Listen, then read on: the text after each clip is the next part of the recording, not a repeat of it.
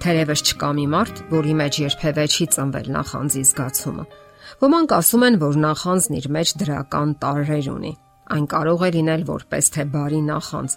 որ նախանձը մարդուն դրթում է ձգտել դեպի ավելի բարձրը, հավասարվել այն մարդուն, ում նախանձում է, կամ էլ առաջ անցնել նրանից։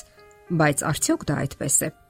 Աստվածաշնչում կարդում ենք. Եթե հոգով ենք ապրում, հոգով վարվենք սնապարծ չլինենք իրար գրգռելով եւ իրար նախանձելով։ Արդյոք դուք նախանձում եք հաջողակ մարդկանց։ Ցանկանում եք միշտ առաջինը լինել։ Առաջինը լինելը վատ բան չէ, սակայն երբ այն դառնում է ուրիշներին նախանձելու առիթ, ուրեմն պետք է մտածեք այդ մասին։ Որովհետև նախանձը պարզապես ծանր բեռ է եւ շատ մարդկանց է զրկում քուն ու դաթարից եւ կրծում հոգին։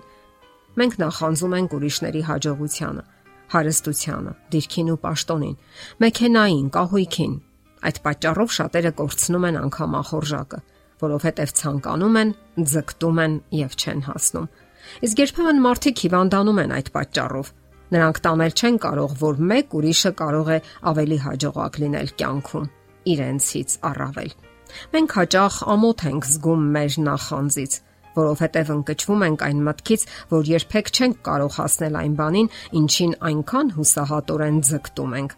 Այս օրինակ մտքերն արդեն կարող են դեպրեսիայի ու հուսահատության առիթ հանդիսանալ։ Սակայն պետք չէ մտածել, որ վիճակն անհույս է։ Նախանձից ազատագրվելու ուղիներ կան։ Ամենից առաջ հարկավոր է ճշգրիտ վերլուծել մեր ներքին հոգեբանական վիճակները եւ ինքնախապեյությամբ չզբաղվել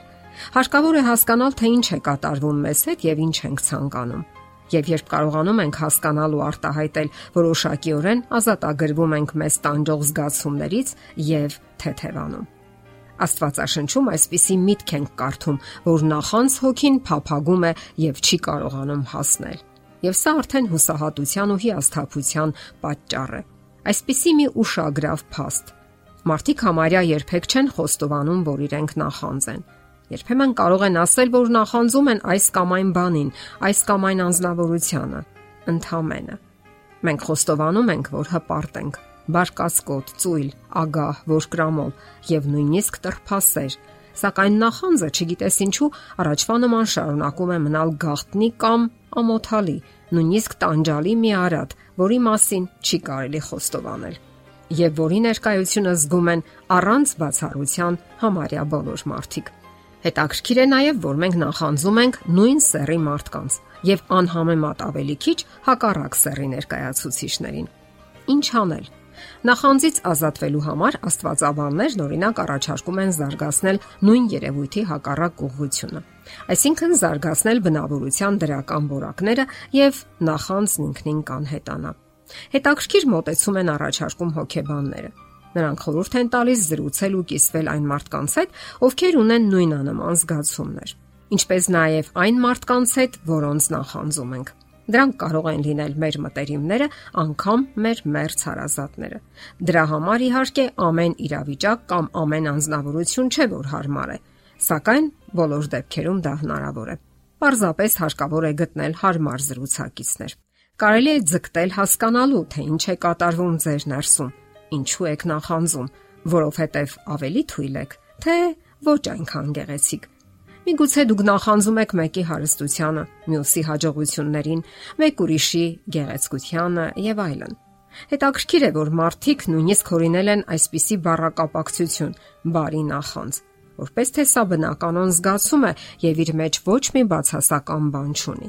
Սակայն դա այնքան էլ այդպես չէ։ Դա ավելի շուտ ինքնաարթարացում է եւ իր հիմքում այն մնում է նույն նախանձը։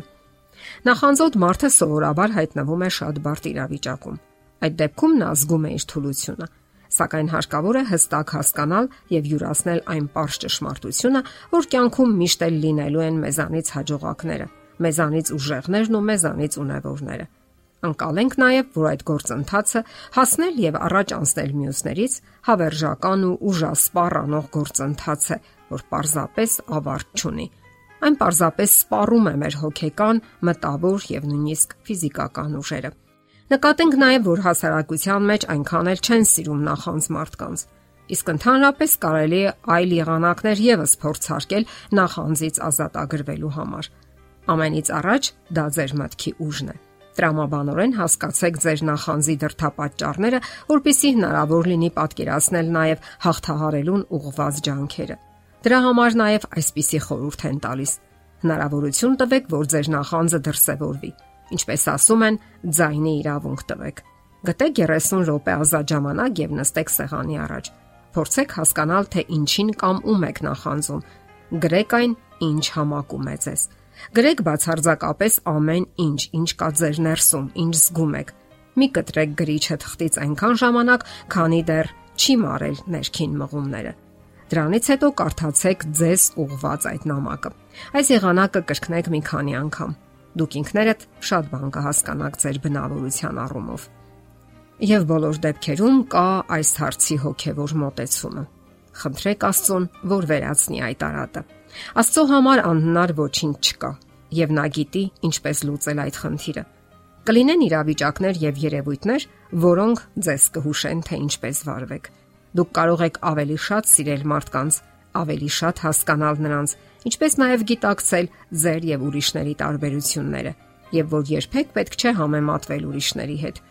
Վստահեք Աստծուն, եւ նա ցույց կտա ամենաիրատեսական մոտեցումը։